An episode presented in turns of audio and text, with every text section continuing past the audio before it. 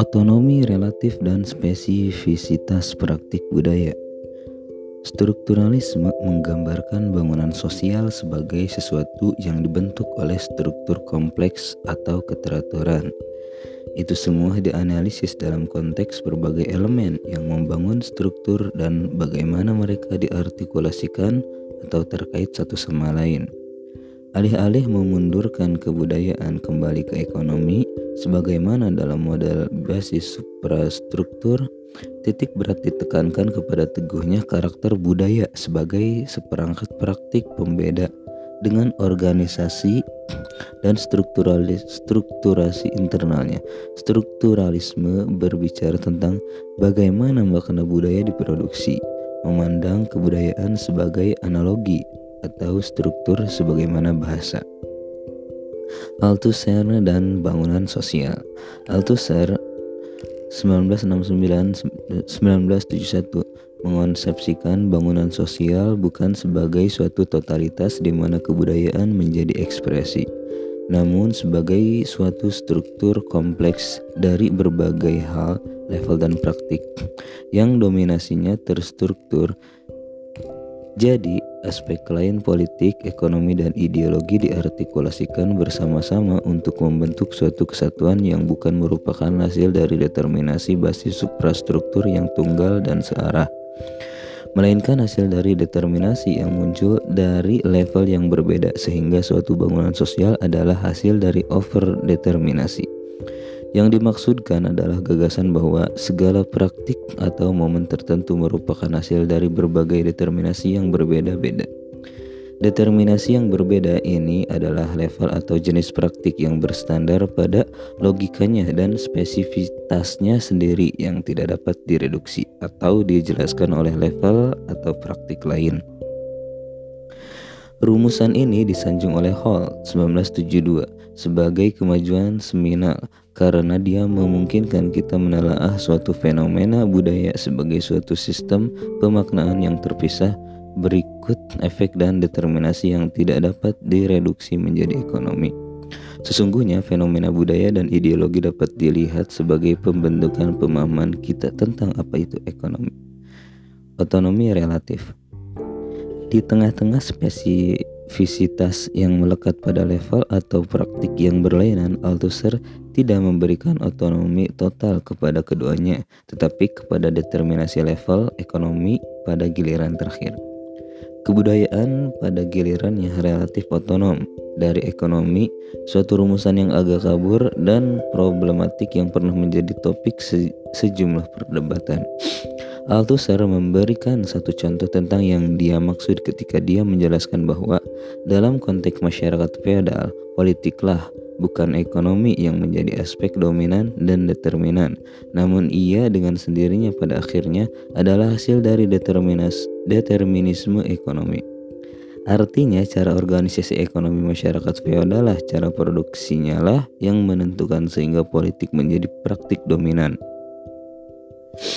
Meskipun keruwetan debat Alto Alturus Serian tidak lagi mendapatkan terlalu banyak perhatian dalam cultural studies, tetapi usaha untuk keluar dari reduksionisme ekonomi dengan mengonsepsikan bangunan sosial dalam konteks praktik yang relatif otonom yang diartikulasikan bersama dalam cara-cara menentukan yang kompleks dan tak seimbang memiliki arti dalam jangka waktu yang lama.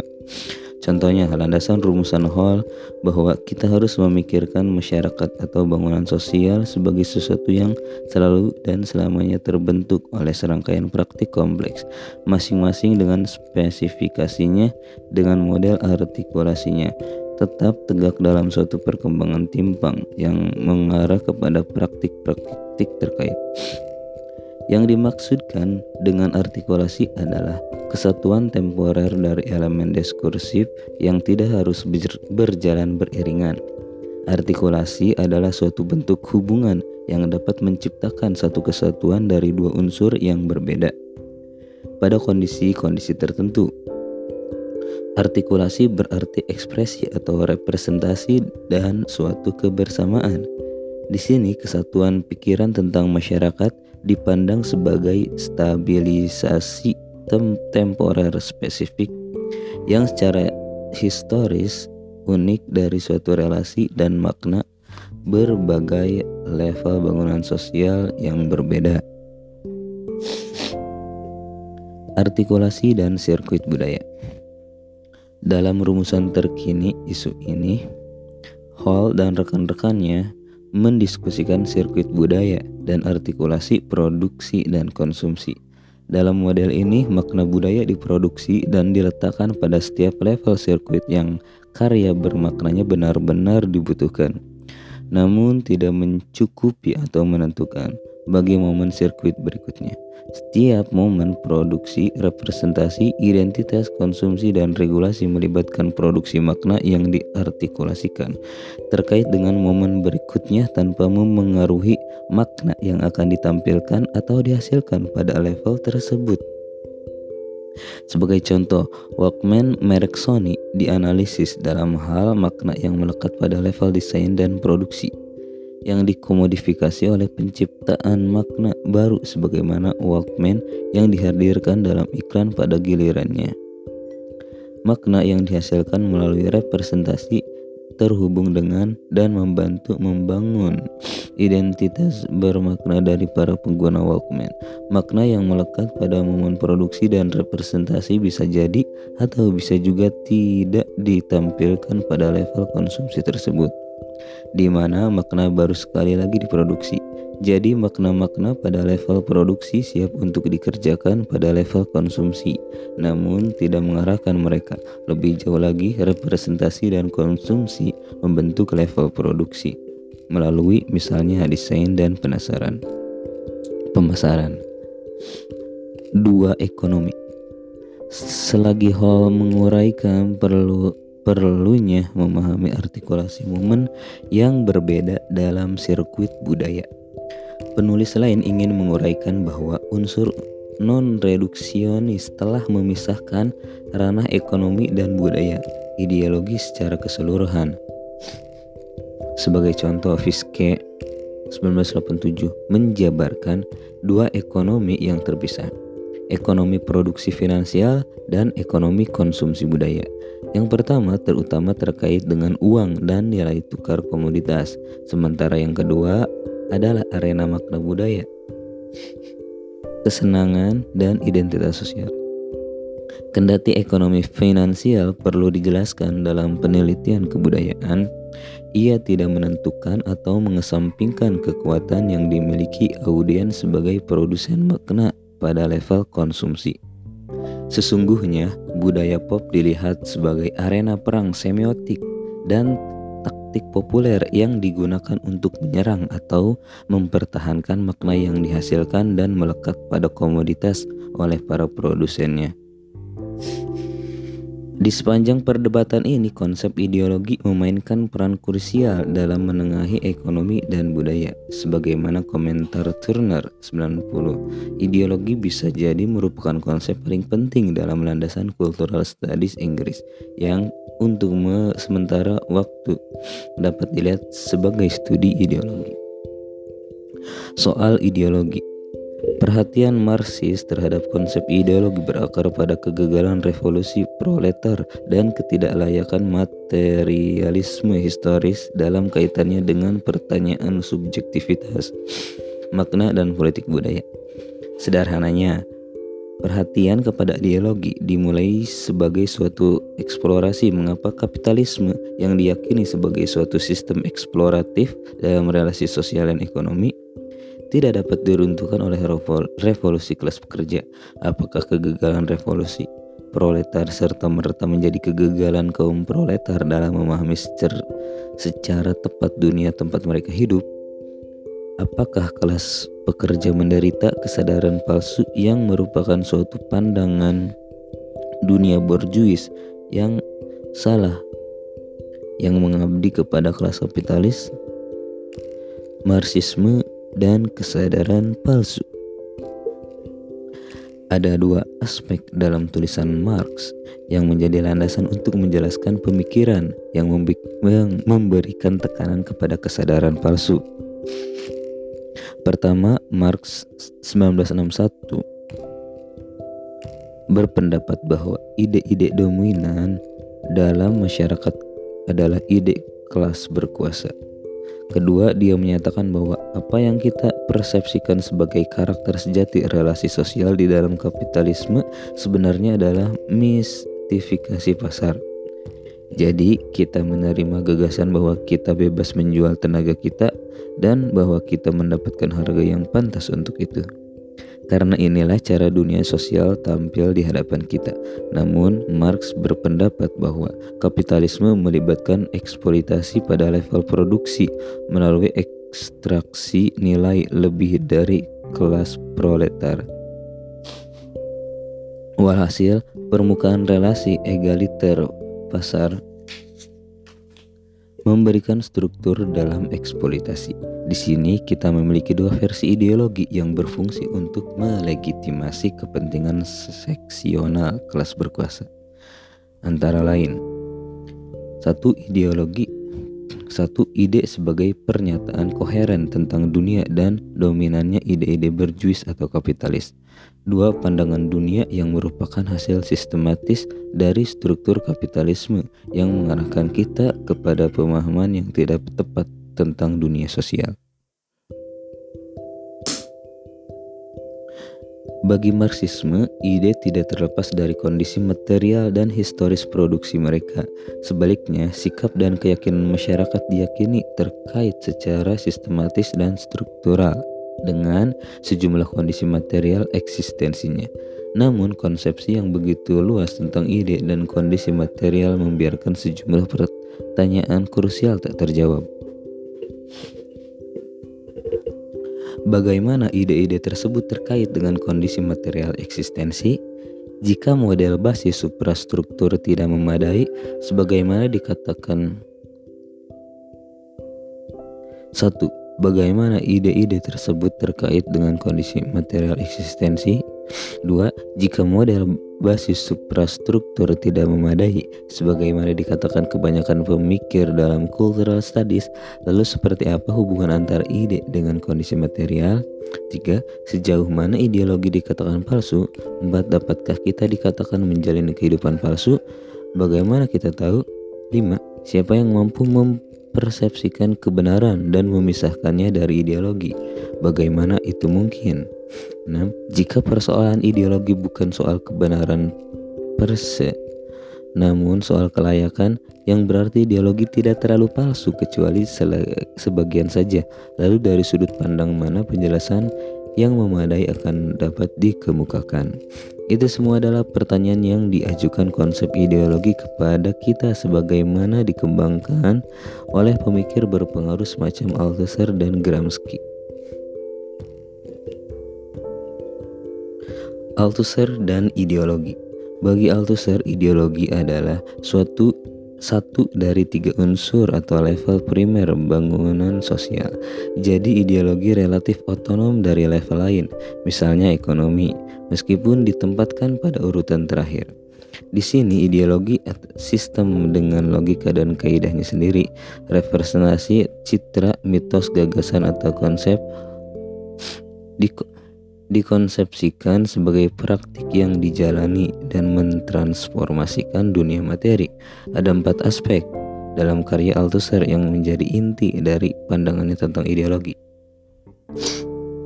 Satu ideologi memiliki fungsi umum untuk membangun objek, dua ideologi sebagai pengalaman yang dijalani tidak palsu, tiga ideologi sebagai kesalahan dalam memahami kondisi nyata eksistensi adalah sesuatu yang palsu, empat ideologi terlibat dalam reproduksi bangunan sosial dan relasi mereka terhadap kekuasaan.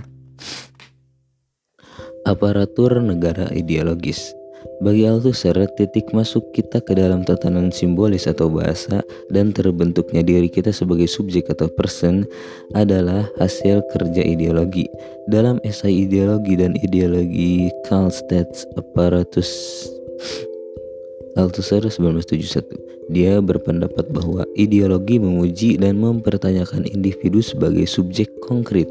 Ideologi berfungsi untuk membangun individu konkret sebagai subjek. Argumen ini adalah aspek dari anti-humanisme Althusser di mana subjek dilihat bukan sebagai suatu agen yang membangun dirinya sendiri, melainkan sebagai efek dari struktur. Dalam hal ini, hasil kerja ideologilah yang mewujudkan subjek karena tidak ada praktik melainkan oleh dan di dalam ideologi. Di dalam ideologi. Singkatnya, diskursus ideologi mengkonstruksi konstruksi posisi subjek atau tempat bagi subjek yang menjadi pijakan bagi pemahaman atas dunia. Subjek adalah hasil dari diskursus karena subjektivitas dibangun oleh posisi yang diwajibkan diskursus untuk kita ambil karena kita dibangun di dalam dan di, oleh diskursus. Diskursus mengacu kepada produksi pengetahuan melalui bahasa yang memberikan makna kepada objek material dan praktik-praktik sosial. Karena diskursus membangun, mendefinisikan, dan menghasilkan objek pengetahuan dengan cara yang masuk akal, sementara pada saat yang sama mengesampingkan cara penalaran lain karena tidak masuk akal. Dia ideologis karena parsial. Lebih jauh lagi, cara pemahaman yang tidak lengkap atas dunia di mana subjek dibangun mereproduksi tatanan sosial dan kepentingan kelas-kelas yang berpengaruh. Subjek yang terfragmentasi dalam paradigma Althusserian, subjek yang dibentuk dalam ideologi bukan merupakan kesatuan terpadu, namun subjek terfragmentasi yang mengambil posisi subjek plural. Sebagai contoh, kelas bukanlah fakta ekonomi objektif, melainkan posisi subjek kolektif yang terbangun secara diskursif. Walhasil, kesadaran kelas bukan merupakan fenomena yang tak terelakkan maupun fenomena yang terpadu. Kelas kendati memiliki kesamaan kondisi eksistensi, tidak secara otomatis membentuk inti dari suatu kesadaran kelas yang terpadu, melainkan bersinggungan dengan kepentingan yang saling berbenturan karena mereka terbangun dan dibongkar dalam perkembangan historis aktual. Kesadaran kelas tampaknya bersinggungan dengan pertanyaan gender, ras, dan umur dalam kadar minimal. Karakter ganda ideologi Ideologi bagi Althusser memiliki dua ujung, di satu sisi, dia adalah kondisi nyata kehidupan manusia. Dia meliputi pandangan dunia yang menjadi landasan orang untuk hidup dan menyelami dunia ini. Dalam hal itu, ideologi tidak palsu karena dia membentuk kategori dan sistem representasi yang membuat kelompok sosial dapat memahami dunia ini. Ideologi adalah pengalaman yang dijalani di sisi lain, ideologi juga dikonsepsikan sebagai seperangkat makna rumit yang menjelaskan dunia, suatu diskursus ideologi.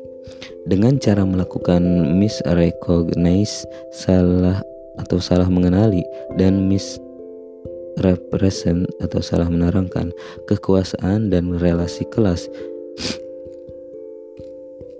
Ideologi dikatakan merepresentasikan hubungan imajiner individu dengan kondisi eksistensi nyata mereka.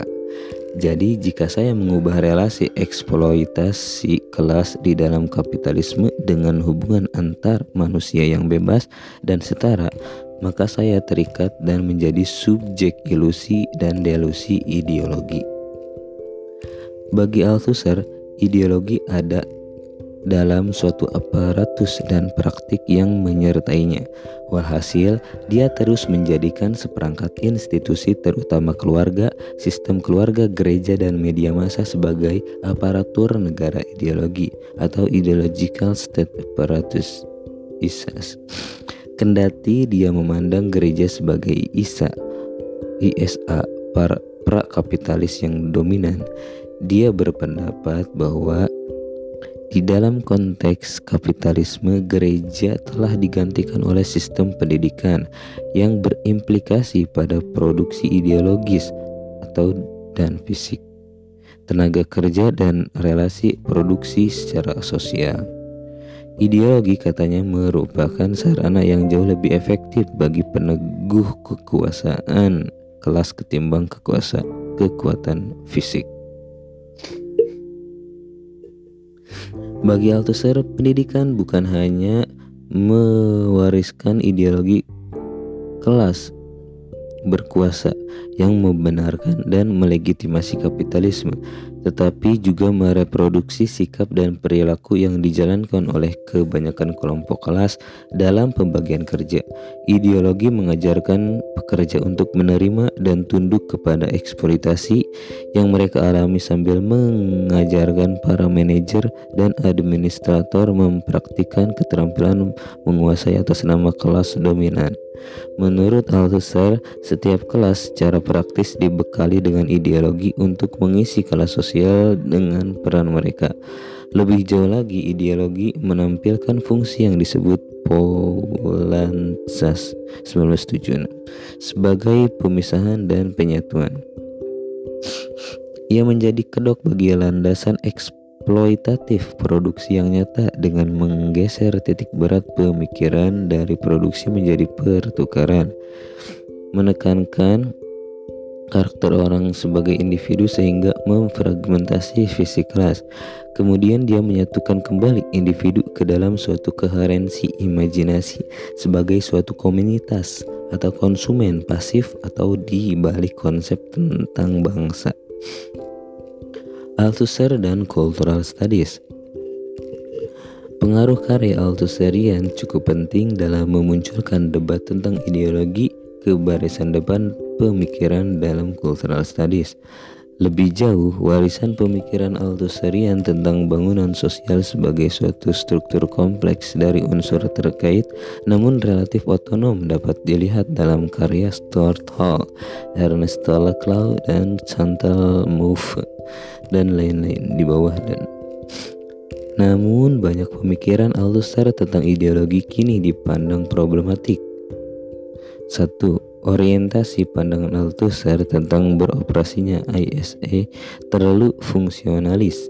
Ideologi tampak berfungsi di belakang punggung masyarakat dalam hal kebutuhan akan sistem tanpa agen. Rumusan Althusserian atas pertanyaan ideologi juga terlalu koheren kendati terdapat karakter subjek yang terfragmentasi karena sistem pendidikan. Misalnya adalah karena bagi ideologi yang saling ter yang saling berbenturan dan arena konflik ideologi ketimbang sebagai tempat bagi suatu reproduksi homogen dan tak terbantahkan dari masyarakat kapitalis. Rumusan Althusserian tentang tempat bagi ideologi dalam suatu bangunan sosial yang relatif otonom namun pada akhirnya ditentukan tidak tepat dan mengancam akan mengembalikan analisis menjadi, menjadi reduksionisme sangat ekonomis yang diharapkan untuk dihindari. Yang ketiga, karya Althusser dipengaruhi oleh suatu persoalan epistemologis penting, yaitu masalah kebenaran dan pengetahuan. Jika kita semua dibentuk di dalam ideologi, bagaimana pandangan non-ideologis terbangun dan akan membiarkan kita mengkonstruksikan ideologi atau bahkan mengakuinya. Demikian jawaban Althusser bahwa kaidah ilmu dan khususnya ilmunya sendiri dapat muncul sebagai ideologi bersifat elitis dan lemah. Meskipun karya Gramsci ditulis sebelum karya Althusser, pengaruhnya dalam cultural studies jauh melampaui karya sebelumnya yang banyak berutang kepada Gramsci. Sebenarnya popularitas Gramsci di dalam cultural studies sebagian merupakan tanggapan atas problem teori Althusserian. Secara khusus, Gramsci tampak menawarkan penjelasan yang lebih fleksibel, canggih, dan praktis tentang karakter dan bekerjanya ideologi. Gramsci, ideologi dan hegemoni Kebudayaan dikonstruksi dalam beragam aliran makna dan mencakup seperangkat ideologi dan bentuk budaya. Namun demikian dikatakan Williams, terdapat unsur makna yang dipandang sebagai induk dan bersifat dominan. Proses penciptaan, penubuhan, dan reproduksi makna dan praktik otoritas ini oleh Gramsci 1968 disebut dengan hegemoni. Hegemoni budaya dan hegemoni ideologis. Bagi Gramsci, hegemoni berarti situasi di mana suatu blok historis faksi kelas berkuasa menjalankan otoritas sosial dan kepemimpinan atas kelas-kelas subordinat melalui kombinasi antara kekuatan dan terlebih lagi dengan konsensus. Jadi, Praktik normal hegemoni di arena klasik rezim parlementer dicirikan dengan kombinasi kekuatan dan konsensus yang secara timbal balik saling mengisi tanpa adanya kekuatan yang secara berlebihan memaksakan konsensus. Sesungguhnya usahanya adalah untuk memastikan bahwa kekuatan tersebut akan tampak hadir berdasarkan atas konsensus mayoritas yang diekspresikan oleh apa yang disebut dengan organ opini publik Koran dan Asosiasi Gramsci 1971 Dalam analisis Gramscian, ideologi dipahami sebagai ide, makna, dan praktik yang kendati mereka mengklaim sebagai kebenaran universal, merupakan peta makna yang mendukung kekuatan kelompok sosial tertentu. Di atas semua, ideologi tidak dapat dipisahkan dari aktivitas praktis kehidupan, namun ia adalah fenomena material yang berakar pada kondisi sehari-hari. Ideologi menyediakan aturan perilaku praktis dan tuntutan moral yang sepadan dengan agama yang secara sekuler dipahami sebagai kesatuan keyakinan antara konsepsi dunia dan norma tindakan terkait. Representasi sistem pendidikan formal sebagai meritokrasi yang menawarkan kepada semua orang kesempatan yang setara dan adil dalam suatu masyarakat dan repusen representasi bagi warga kulit berwarna yang secara alamiah inferior dan kurang mampu bila dibandingkan dengan orang kulit putih. Keduanya dapat dikatakan bersifat ideologis. Suatu blok hegemoni tidak pernah terdiri dari kategori kategori sosial ekonomi tunggal, namun dibentuk melalui serangkaian aliansi di mana suatu kelompok berpos, berposisi sebagai pemimpin. Ideologi memainkan peran krusial dalam membiarkan aliansi kelompok ini. Awalnya dikonsepsikan dalam terminologi kelas, menanggalkan kepentingan sempit usaha ekonomi dan mengutamakan kepentingan nasionalis populer. Jadi, satu kesatuan sosial budaya diperoleh melalui aneka ragam kehendak yang tujuan heterogennya secara bersama-sama dimasukkan ke dalam satu tujuan tunggal sebagai basis suatu konsepsi tentang dunia yang adil dan alamiah. Gramsci 1971 Pembentukan peneguhan atau penang, penanggalan konsepsi umum tentang dunia merupakan suatu aspek dari perjuangan ideologis suatu komunitas atau konsumen pasif atau dibalik konsep tentang bangsa. Althusser dan Cultural Studies Pengaruh kaya Althusserian cukup penting dalam memunculkan debat tentang ideologi ke barisan depan pemikiran dalam Cultural Studies. Lebih jauh, warisan pemikiran Althusserian tentang bangunan sosial sebagai suatu struktur kompleks dari unsur terkait namun relatif otonom dapat dilihat Ernesto dan lain-lain.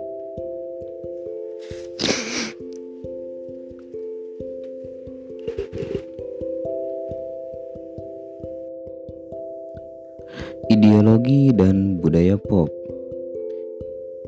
Ideologi sebagai pengalaman hidup dan ide sistematis yang berperan mengorganisasi dan secara bersama-sama mengikat satu blok yang terdiri dari berbagai elemen sosial bertindak sebagai perangkat sosial.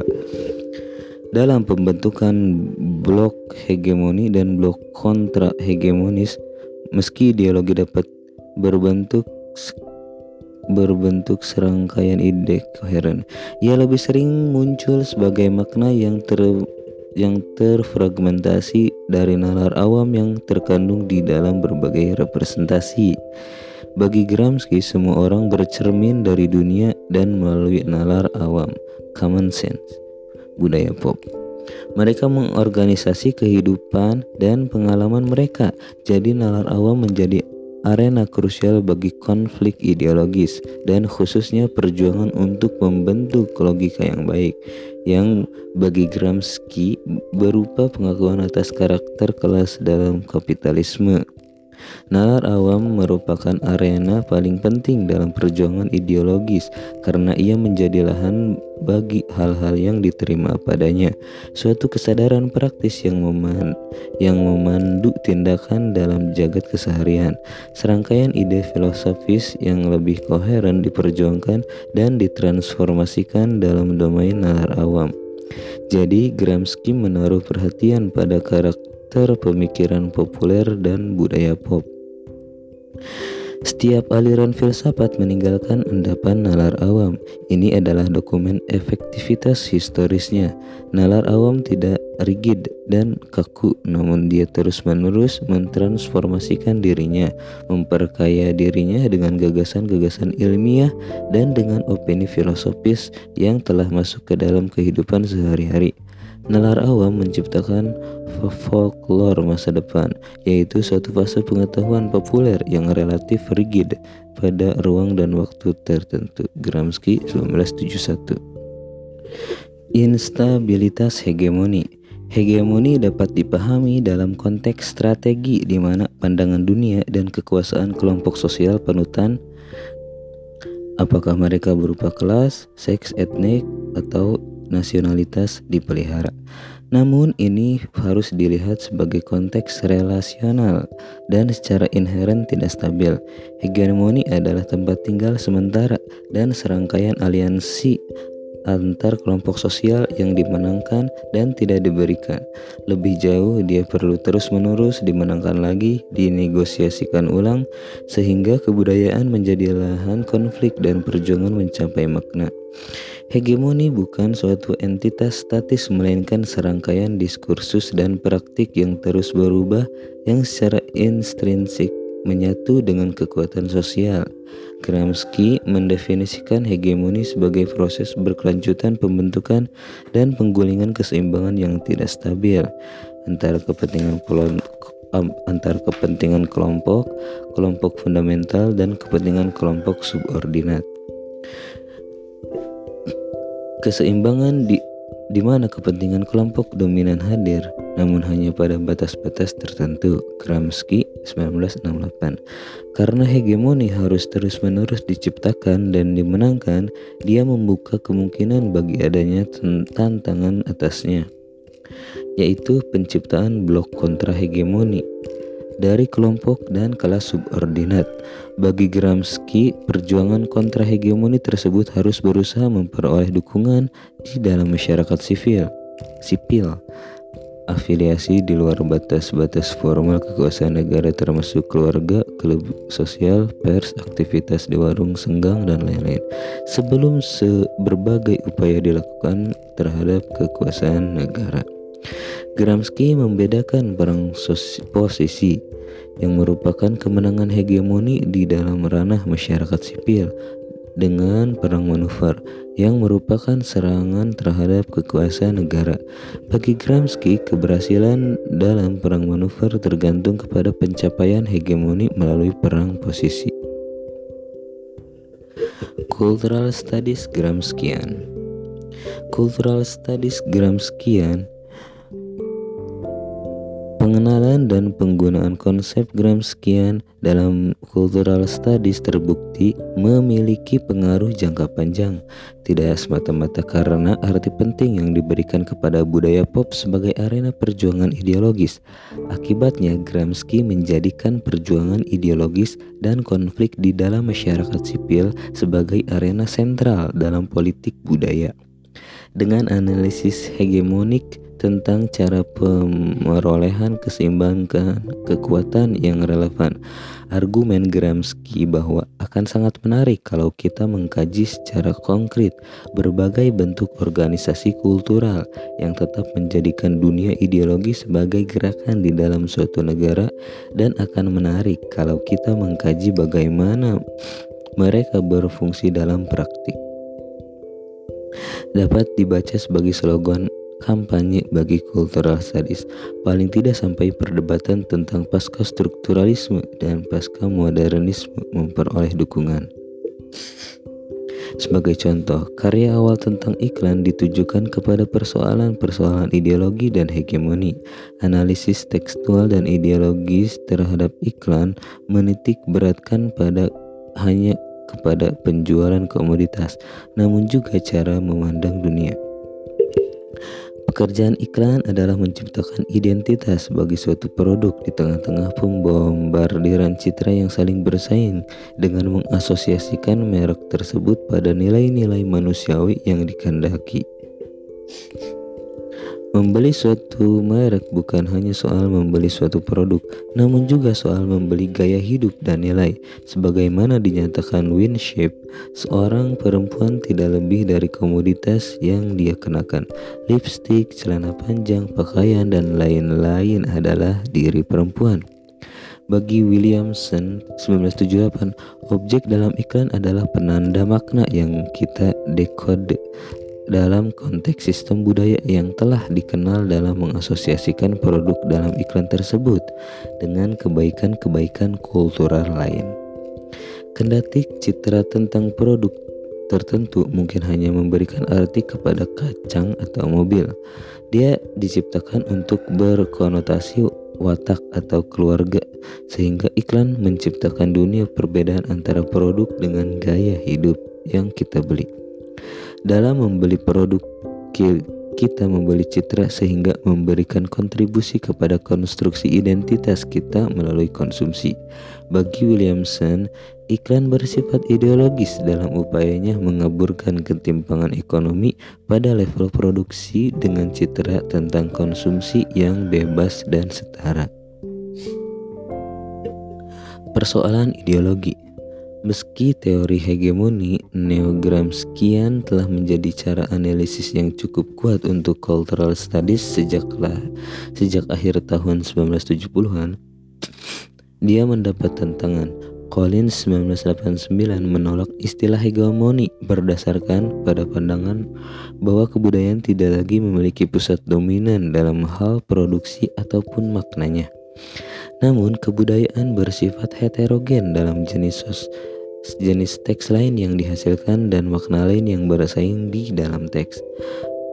Aber Abercrombie 1980 menolak apa yang mereka sebut tesis ideologi dominan karena tidak ada kebudayaan dominan yang koheren dan bahwa kekuasaan terutama bersifat ekonomis dan sosial, jadi tidak bersifat kultural.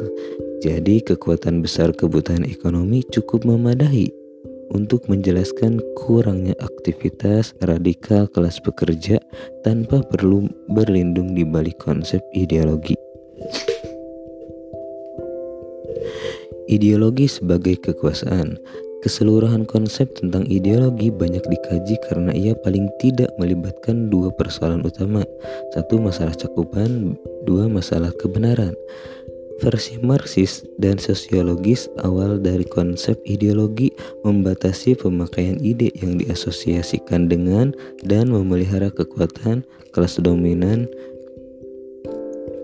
Belakangan versi yang diperluas dari konsep ini menambahkan pertanyaan tentang gender, etnisitas, umur, dan lain-lain ke dalam teks. Argumen Giddens bahwa ideologi harus dipahami dalam hal bagaimana struktur pemaknaan dimobilisasi untuk mengesahkan kepentingan seksional kelompok hegemonis adalah suatu kontemporer tentang ideologi yang mengikuti pandangan ini. Dengan kata lain, ideologi mengacu kepada bagaimana makna digunakan untuk menjustifikasi kekuasaan kelompok berkuasa yang mencakup banyak kelas, juga kelompok sosial yang didasarkan atas ras, gender, umum, umur, dan lain-lain. Kalau definisi ideologi Giddens hanya mengacu kepada ide yang berkuasa, Versi lain termasuk versi Althusser melihat ideologi sebagai sesuatu yang menjustifikasi tindakan semua kelompok masyarakat. Dengan kata lain, kelompok pinggiran dan kelompok subordinat juga memiliki ideologi dalam hal pengorganisasian dan justifikasi ide tentang diri mereka sendiri dan dunianya. Tentu saja versi lebih luas dari konsep ideologi ini juga dapat mengakui versi yang lebih versi yang lebih sempit sedemikian rupa. Sehingga sebagian kata Foucault 1980 kita semua termasuk dalam relasi kekuasaan. Perbedaan antara kelompok dominan dengan kelompok subordinat dengan demikian menjadi salah satu derajat kekuasaan dan membedakan pandangan dunia substantif bukan antara gagasan ideologis versus gagasan non ideologis.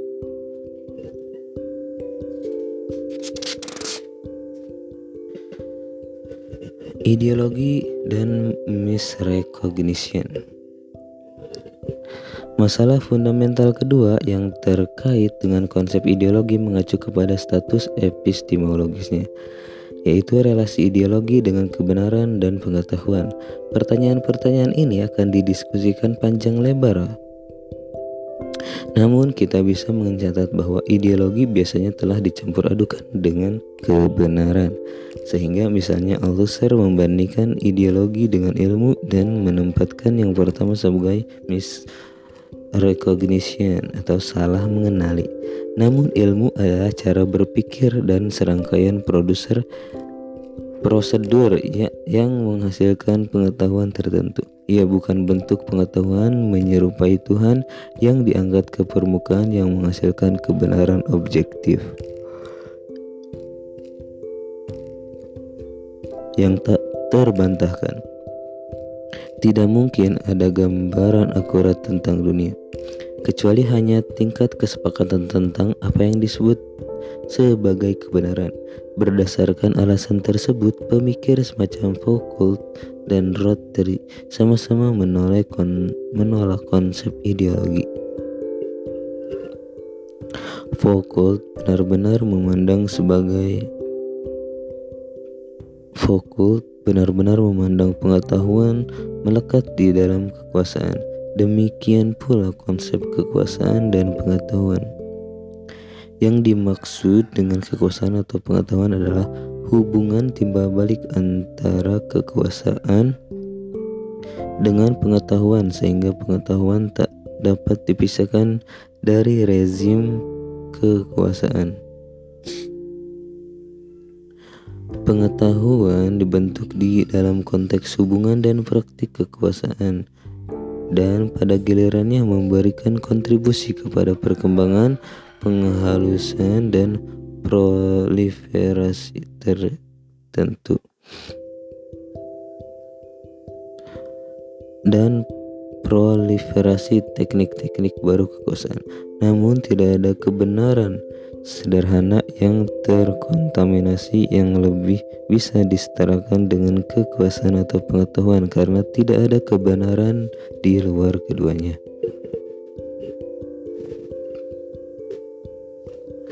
Pakaian dan lain-lain adalah perempuan.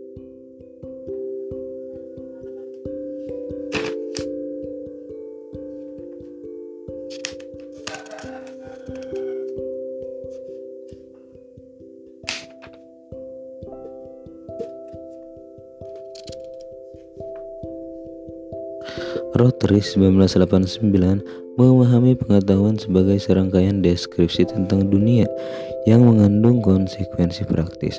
Mereka dapat diperkirakan nilainya namun tidak dapat dinilai dalam konteks kebenaran sejatinya. Bagi Rotary kebenaran adalah penghargaan sosial yang kita pikir baik ketimbang pengetahuan universal. Walhasil, kendati orang dapat membandingkan pandangan dunia atau ideologi dalam konteks nilainya, konsekuensi, dan kondisi historis atau sosial produksinya. Kita juga dapat melakukannya dalam hal kebenaran sejati versus kebohongan sejati. Apa itu ideologi? Dengan berasumsi bahwa ideologi tidak dapat dikaitkan dengan pertanyaan tentang kelas dan sedikit yang berpendapat bahwa ia harus demikian, maka ideologi dapat dilihat dengan cara sebagai berikut. satu Pandangan dunia kelompok dominan yang menjustifikasi dan memelihara kekuasaan dan yang setara dengan kebenaran. dua Pandangan dunia kelompok sosial yang menjustifikasi tindakan mereka dan yang setara dengan kebenaran. tiga Pandangan dunia kelompok dominan yang menjustifikasi dan memelihara kekuasaan mereka, tapi tidak dapat disetarakan dengan kebenaran, namun ia dapat menjadi subjek deskripsi ulang sehingga tidak harus diterima.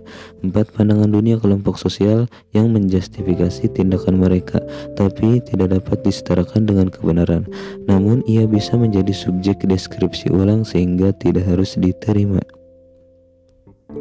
Akan tidak bijak kalau mengatakan bahwa versi ideologi tertentu sebagai yang benar atau bahkan yang paling banyak digunakan dalam cultural studies. Namun jika para penulis menggunakan konsep ini, mereka wajib menjelaskan apa yang mereka maksud dengan istilah ini. Pandangan saya sendiri adalah bahwa terlalu lemah kalau kita menyetarakan konsep ideologi dengan kebenaran dan bahwa semua kelompok sosial memiliki ideologi. Dalam hal ini satu-satunya konsep ideologi yang dapat diterima adalah yang dapat pertukarkan dengan pandangan Foucauldian tentang kekuasaan atau pengetahuan. Dengan demikian, ideologi tidak dapat dilihat sebagai alat dominasi sederhana, namun harus dilihat sebagai diskursus yang memandang konsekuensi spesifik terhadap relasi kekuasaan pada semua level hubungan sosial, termasuk justifikasi dan pemeliharaan kelompok berkuasa. Ringkasan Kisah pertama Cultural Studies tertutur tentang budaya yang dipersepsikan sebagai seni untuk melihat kebudayaan sebagai sesuatu yang biasa, menyertakan keseluruhan cara hidup, yaitu dari definisi yang sangat literer menuju definisi yang antropologis. Kisah kedua bertutur tentang tempat kebudayaan di dalam bangunan sosial, yaitu hubungan antara kekuasaan dengan praktik sosial lain dalam ekonomi dan politik. Cultural Studies menolak gagasan kebudayaan sebagai sesuatu yang ditentukan oleh kekuatan ekonomi dan lebih memilih pemahaman atasnya sebagai serangkaian makna dan praktik otonom dengan logikanya sendiri. Logika ini disejajarkan dengan transformasi kebudayaan sebagai konsep dari batas-batas kemanusiaan dan ilmu sosial pada titik pusatnya. Semua definisi kebudayaan dapat diperdebatkan, namun cara pemahaman yang banyak diterima dalam cultural studies adalah peta makna. Cultural studies bertanya tentang makna makna mana yang diletakkan ke dalam perputaran ini, oleh siapa dan untuk tujuan apa demi kepentingan siapa? Sebagaimana dinyatakan Fiske 92 konsep kebudayaan dan cultural studies berada di atas semua konsep politis yang menitik beratkan pada kekuasaan. Walhasil banyak kajian cultural studies yang terpusat pada pertanyaan tentang kekuasaan pengetahuan ideologi dan hegemoni. Pertimbang Pertimbangan makna menyebabkan cultural studies dikaitkan dengan bagaimana peta kita diproduksi dan dengan kebudayaan sebagai serangkaian praktik pemaknaan yaitu organisasi tanda yang membangun makna. Sistem tanda primer yang bekerja adalah bahasa yang setelah mengarahkan para teoritis kepada gagasan tentang diskursus atau cara teratur dalam berbicara. Singkatnya, cultural studies bersama dengan keseluruhan ilmu sosial dan humaniora tentang, memasuki lingkaran linguistik yang menjadi subjek. Sekian bab 2.